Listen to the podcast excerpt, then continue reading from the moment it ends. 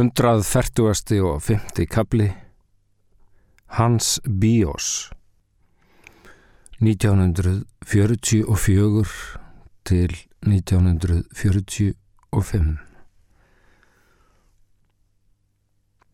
Fyrir feitan grís í rúmenskum skói hafði Hans Henrik verið tekinn til stríðsfanga af rúsneska hernum. Skömmin sem því fyldi var svo stór að næstu dagar náðu aldrei inn í minni hans. Vikulangir vekslóðar, brýr og skóarstígar liðu gegnum höfuð hans líkt og filma um síningarvél.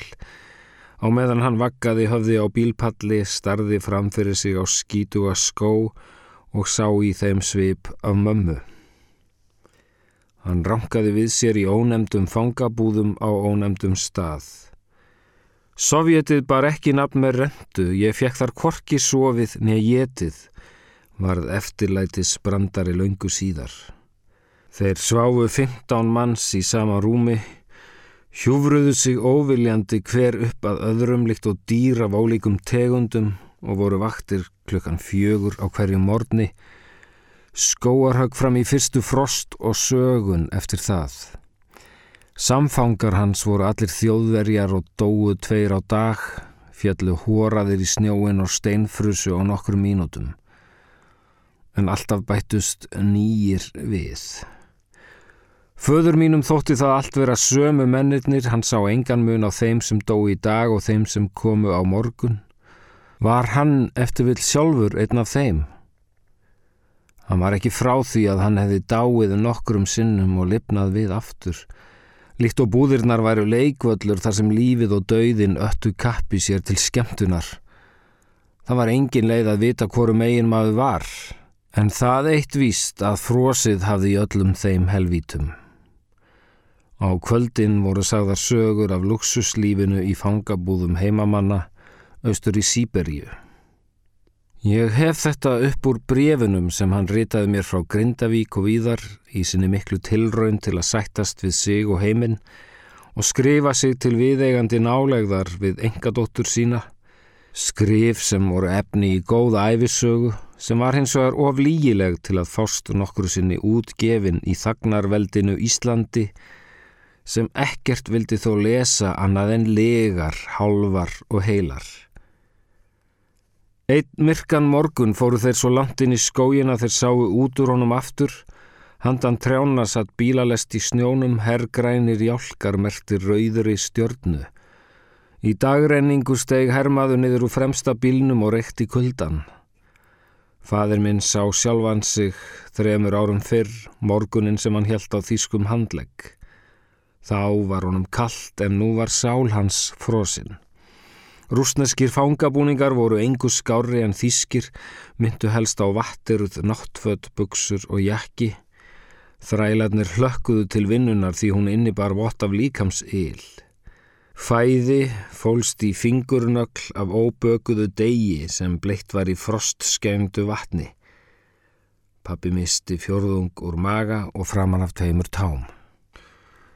Þó var þetta skára en að láta skjóta sig í rúmensku skítaþorpi með 6.000 línur af hæni í höfðinu. Ég sáði ekki orð allan tíman, skrifaði hann. Þýskan var alveg frosin í mér, það var eins og Hitler værið að hefna sín með því að taka af mér málið. Þeir efuðust jáfnvel sömur um að ég væri einn af þeim, en fangarnir livðu margir í voninni og lögðu stundum eirað upp í vestanvindin í vonum að heyra din frá þýskum herr en fengu að launum rúsnest blí í kroppin. Það er merkilega fallegt að sjá blóðlita snjó.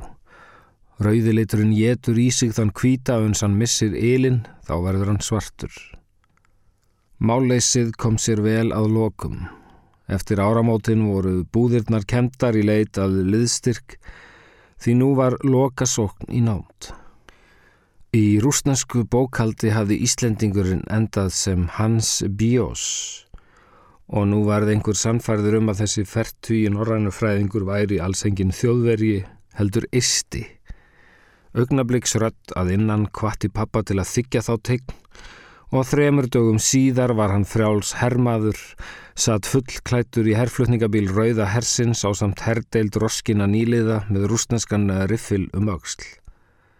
Það var nokkurn veginn sama leið og svo góða jakina hafði arkað á tveimur störfótum og alls ekki langt frá þeirri leið sem okkar maður hafði sjálfur brönglast undir þísku stýri þremur vetrum fyrr, hálfu stríði yngri og heilu bjart sítni. Þó var svo staðreind að hann fór nú hér um í öðrum jakka, í anstæðum herr, ekki jafn niðurdrepandi og hann átti von á. Allt var betra en skóarhögg fyrir Stalin og í sjálfu sér skipti búningurinn engu er á hólminn kom, allir eru bræður í stríði, allir eru fjendur í stríði, það snýst um það eitt að komast af. Pappi barðist nú aðeins og einungis fyrir sjálfan sig, hann varð að ná aftur þeirri litlu landsbildu sem hann hafi fórnað til að sigra þann heim sem nú var tapaður. Og þegar maður fer frá Rúslandin í Póland þá er maður allavega á leiðinni til Íslands. Hundrað færtugasti og sjötti kabli Perludóttir 1945 Á meðan satt ég sjálf á bökkum óder Börnin gretu út í myrkrið og mæður klingdu pottum, klárarnir voru lagstir og framöndan leið áinn, frá suðri til norðurs, vinstri til hægri. Littlu neðar í henni skoðaði brúin botnin. Ljósablis leiðum loftið og speiklaðist í friðsælu árvatni og milli hálfbrotina stöppla og stálbita í hálfu kafi. Í fjarska heyrðist hlifta af bissu. Engin kifti sér upp við það. Þreitan hafði fært okkur ókjör af yfirvegun. Aðeins þeir sem örðu fyrir bissuskotunum tóku sér örstu hlið frá göngunni til að hugleiða hefni sína og óhefni og dói svo. Hínir heldu ótrublaðir áfram. Sjálfsagt var hálfur mánuður liðin frá því ég slóst í för með þessu fólki, þýskum landeigundum og leiguliðum sem plækt höfðu prúsneska jörð um aldir en reyndu nú að forða sér áður en hún yrði rúsnesk.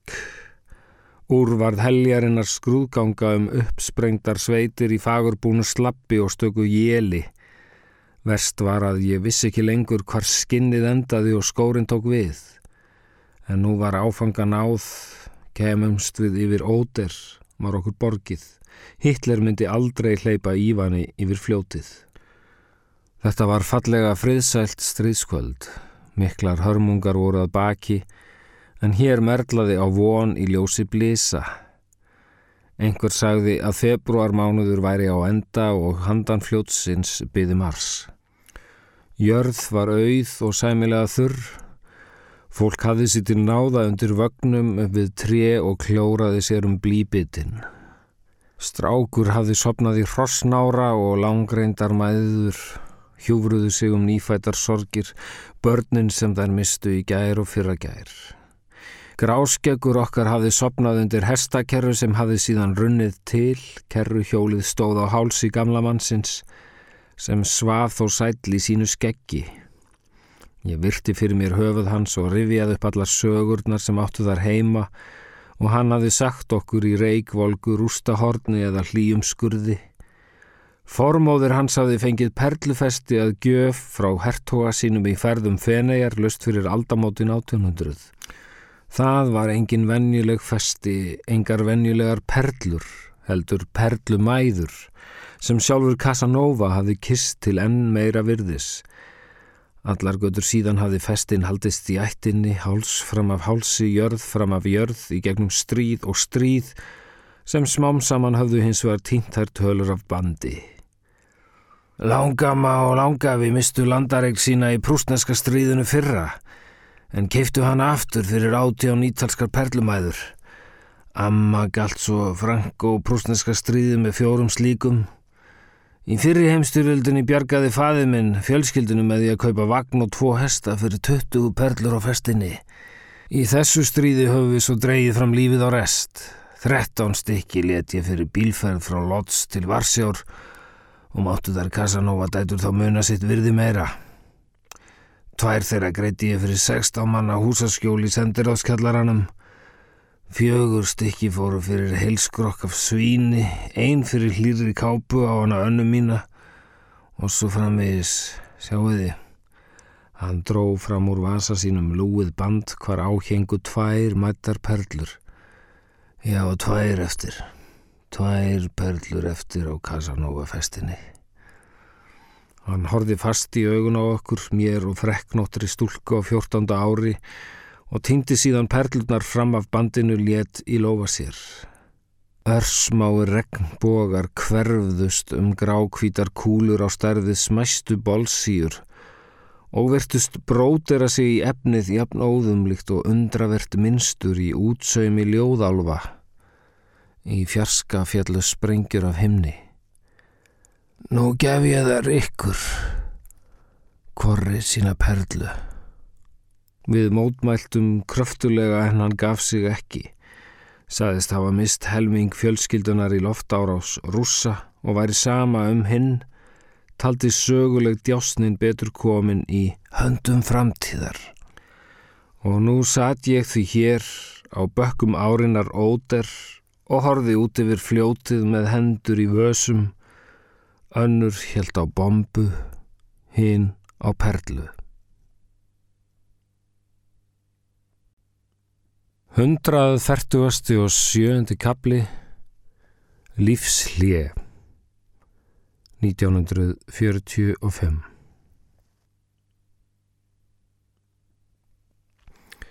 Pappi hafði ekki áður kynst slíkum stríðshraða. Soknin inn í Póland gekk svo vel að þeir máttu hlaupa heilu dagana. Ekki var óalgengt að výglínan færðist um 100 km á dag. Bardagar voru næstum því kærkomnir því þá gafst hlið frá hlaupum. Óbreyttir lágu í snjóblautum skindigröfum á meðan stórskotaliðin skiptust á blossum. Pappi var hætt komin við bæinn Bjálistokk, hvar Jakina svaf í Bjarnarhýði, er hann fekk brot úr skriðdregabelti í hjálminn. Svartur reykur leið yfir kvítan akur.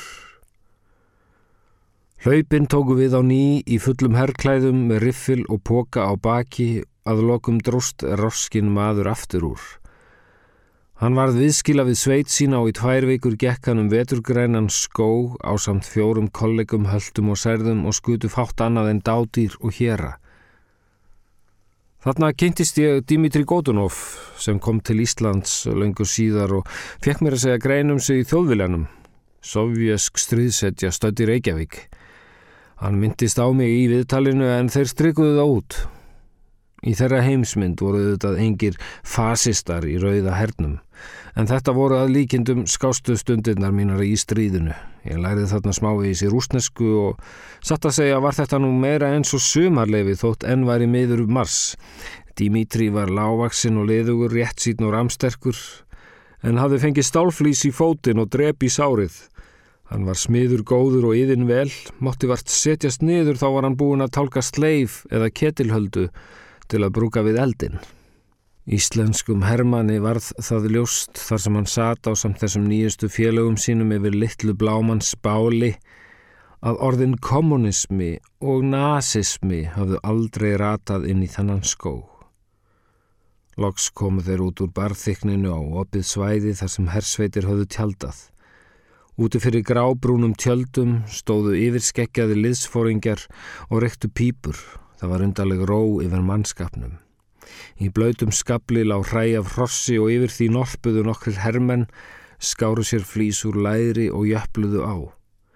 Eftir því sem nær dró fannst að loftið var mettað stækum þef, slíkum sem manns nef hafði aldrei áður fundið. Þó var það einhver tegund af brunalikt sem lág yfir herbúðunum líkt og ósýnileg þoka. Skamt norður af þeim raug kvítur reykur upp af rústum.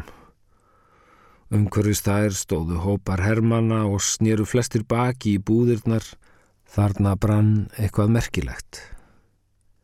Hans Bíos, Dimitri Godunov og félagar gengu inn á svæðið, kostuðu kveðju og samherja sína og letu þögn þeirra og augnaráð beina sér yfir að brunarústunum. Liktinn ágerðist eftir því sem nær dró og hítinn sömu leiðis. Í gegnum reykjar kófið sáu þeir glitta í mannsfætur, hendur og höfuð, nakta búka Við þeim blasti fjöldagröf, álíka stór og akur ungra drengja, yfir full af líkum, einum fimm lögum af líkum og snarkaði eldur í með gífurlegum hita menn komust ekki nálagt stórgröfinni án þess að byrja andlit sín. Líkin voru lítið annað en skinn og bein en af og til heyrðist bresta í bálinu líkt og í kvistum á areneldi. Þagblöður eða kíli útskýrði Dimitri en svo margareindur vítisferðamaður. Hvað var hér á seiði? Múru þetta þískir strísfangar? Nei, fólk úr fangabúðum sagði svart bríndur kósakki með rauðar varir um leið og hann læsti þeim um snjó, kvíta og klunnalega tópaksrettu. Sem voru þarna, benti síðan í áttað húsarústum í fjarskanum vestur af gröfinni. Dreblinga. Pappi leiti kringum sig á andlit rústnesku hermannana. Það var engin leið að lýsa svip þeirra. Ungir drengir og fullþroska karlmenn stóðu þar líkt og í leiðslu og störðu inn í opið hjarta stríðsins, inn í svart hól mennskunnar. Pappi kom auða á lík óléttrar konu í efsta læginu. Kviðurinn var vel þaninn og húðsléttur, í algjöri andstöðu við hóruð líkin allt um kring. Hann stóð gravkirr og starði á belginn án þess að vita af sér. Það var sem lífið yfirgæfi hann og dauðin rinni á hann. Líf föðu míns var hálnað og á því var nú gert tíu mínúna hlýje. Hann rankaði ekki við sér fyrir en ólettu belgurinn gaf sig undan hitanum og sprakk með óheirlegu hljóði. Í opinni vambinni byrtist fullvaksið fóstur og lifði eldrautt í augnablík áður en hitin sverti það líkt og grillkjött. Pappi snýri sér undan og gekk sem í leiðslu burt frá gröfinni en komst aldrei frá henni. Liktinn fyldi honum út lífið og hann tengdi hana jafnan við bartrið. Það var svo einkennilegt en mér var litið út á sjóndeldarhingin út yfir græna trjátoppana og allt í hennu fylltist ég samviskubiti gagvar þessum grænu trjám. Við mennirnir höfðum gert svartan blett á jarðsuguna og ofbóðið þeim, þessum góðu trjám, með þessari lykt og þessum yllu verkum sem engin átti að þurfa að horfa upp á. Það var svo undarlegt en ég varð heldtekin af sakbiti, gagvart náttúrunni. Pappi var dæmdur í hérastómi árið 1979 fyrir að fella tvö hávaksinn grenitri á gardamörkum við skothúsveg og mátti punga út hálfuri miljón í skadabætur. Hinn íslensku Nürnberg réttarhöld.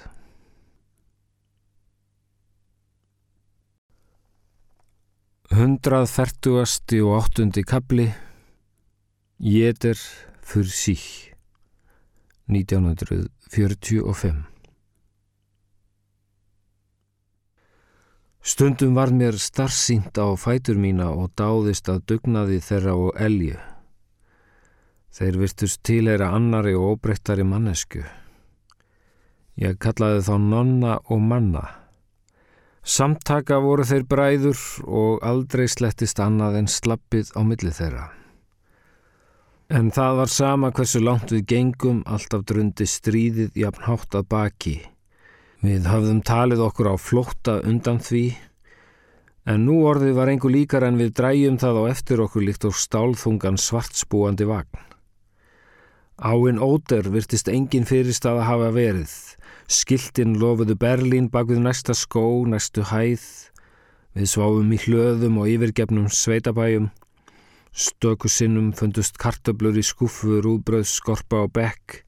En oftar nærðumst við á sögum um heppið flottafólk sem reykist hafði á herrabíli fullt af mat. Á kvennmanns líki í vegkantinum fann ég smjörklípu og gemdi innan klæða Hún endist mér heila viku. Snjóa leisti og veginnir fylltust af enn fleira flótafólki, prussar, pólverjar og þjóðverjar, jável volgu þjóðverjar og fleiri þjóðafólk. Þúsundir manna þrættu foruga hláku vegi fram hjá yfirgefnum skriðdregum og stöku sprengjuhólu fullri af vatni eins og þegjandi þreyttar personur úr gamla testamentinu en munurinn þó sá að hér var engin guð að gæjast um skýi. Stundum byrtust trefið veginn, stóðu þar í löngum röðum og fyldust með okkur sílast í áttað sólarlægi sem stundum var fallegt en alltaf dapurt. Morgun einn kom halarófa af rústenskum börnum á móti okkur á svipin líkt og þau hafðu séð æfi sína á enda. Dægin eftir streymdu síðan týjir sovjaskra kvenna í austur átt og máttum við víkja út í kant og býða af okkur ströyminn. Þær voru fótgangandi flestar um þrítugt og yfir og liðu hjá sem í þögulli kvikmynd þungar á svip. Einn þeirra hrekti á þískan karl í okkar hópi. Var stríðinu lokið? Sumar þeirra voru þungaðar og báru nú þá þísku ávexti inn í sitt kvítar Úsland. Að lokum reyndust þeir einu landvinningar þjóðverja í austurvegi ef þeim var ekki drekt í fæðingu. Við bröldum hjá brúnum akri Á honum miðjum stóð snargalinn þýskur liðhlaupi með útrettar hendur og öskraði á hann afláts Ekki skjóta, ég er fugglarhæða. Fæstir hafðu aflýð sér til að skjóta á hann auga. Við þrömmuðum áfram í þöglum þreitu kór en einhver staða langt að baki gaulaði einmana harmoníka. Gráskeggur bauð mér sæti á vagninum hjá sér. Ég fekk að láta fætur dingla niður af honum í heila tvo daga Þar til hesti hans var stólið um nótt, við fundum hausinn í skurði daginn eftir. Þráttur er að hafa mist allt sitt fólk, tók gráskeggur dauða hans næri sér og dróst fljótt aftur úr. Ég leit um auksl og sá hann hverfa í hóp slæðu og sjálfbúin að kvenna á forugum veginum, ör smátt rauðunefi að andlit í grákvítu skeggi undir ógnar víðum himni gráum að lit. Þannig hverfa mennirnir þeir sogast með rauðu nefi og grákvítu skeggi inn í gráan heiminin.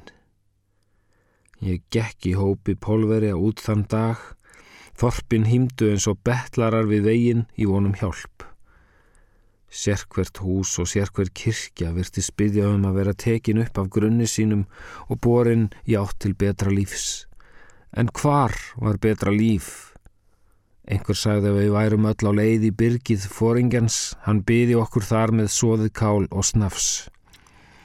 Einan nóttina tóku við undir okkur gamalt gistihús í yfirgefnu þorpi. Í stærsta herberginu var þétt setið rúm, eldur í stálfati eiljaði langþreyttu fólki. Ég endaði þar á tali við mann sem reyndist af öllum heimsins hlutskiptum vera sænskur óbóleikari. Á vöngum hans og nefi voru myndarlegar vörtur. Hann sagði mér undarlega sögn af sjálfum sér hvernig hann endaði í þessu samhengi sögunar en var líka bóðin og búin að hjálpa. Dróð síðan upp síkarettur og bauð mér eina, barað henni eldin og kendi mér að reykja. Ég guppaði af þeirri fyrstu, hostaði næstu frá mér en þraukaði út þá þriðju. Nokkrum vikum síðar gekk ég að eiga herra Nikotín og höfum við haldið saman æg síðan, fagnuðum Demants brúðkaupi vorið 2005. Stríðið er búið, sagði vörtu svín. Það verður búið eftir mánuð, kanarnir eru á leiðinni yfir Rín. Þeir mætast í Berlin, Stalin og Roosevelt. Ég þekki mann sem getur hjálpaður. Hann gegnir þísku nafni en er amerikani, Bill Skewensson. Þú skalt hafa upp á honum, hann býr við Búlstrasi 14. Ef hann getur ekki komið til Íslands getur það engin. Síðan leiti hann mig upp á aðra hæð og lagði í rúm. Ég sopnaði fljótt en vaknaði upp við hönd hans undir peysunni. Ég geti hjálpað þér. Kvíslaði hann á þísku með sænskum hreim og rópaði síðan götunafnið í Berlín og eftir mér er ég skust út úr herberginu. Ég held mig í hópi kvenna það sem eftir var. Hér var hver á eigin vegum. Jeder für sich und Gott gegen alle. Stríðið rak fólk saman til að stýja því í sundur. Ég egnaðist mína mannesku í dag eða tvo, tautandi gamla brauðskorpu eða rauðbyrkna sveitafrú sem hafði lesið Gunnar Gunnarsson og bað fyrir bestu kveðjur til hans og hans fólks. Svo voru þær hornarinn í veraldarsöguna. Sér hver dagur var á við heila æfi. Loks gekki út úr þreitunni og inn í leiðsluna. Vegurinn var það færibandi og mér fannst skóurinn, húsin og skiltin færast að mér en ekki ég að þeim. Eitt daginn gerist þetta. Offíserar piftu sér leiði gegnum fjöldan.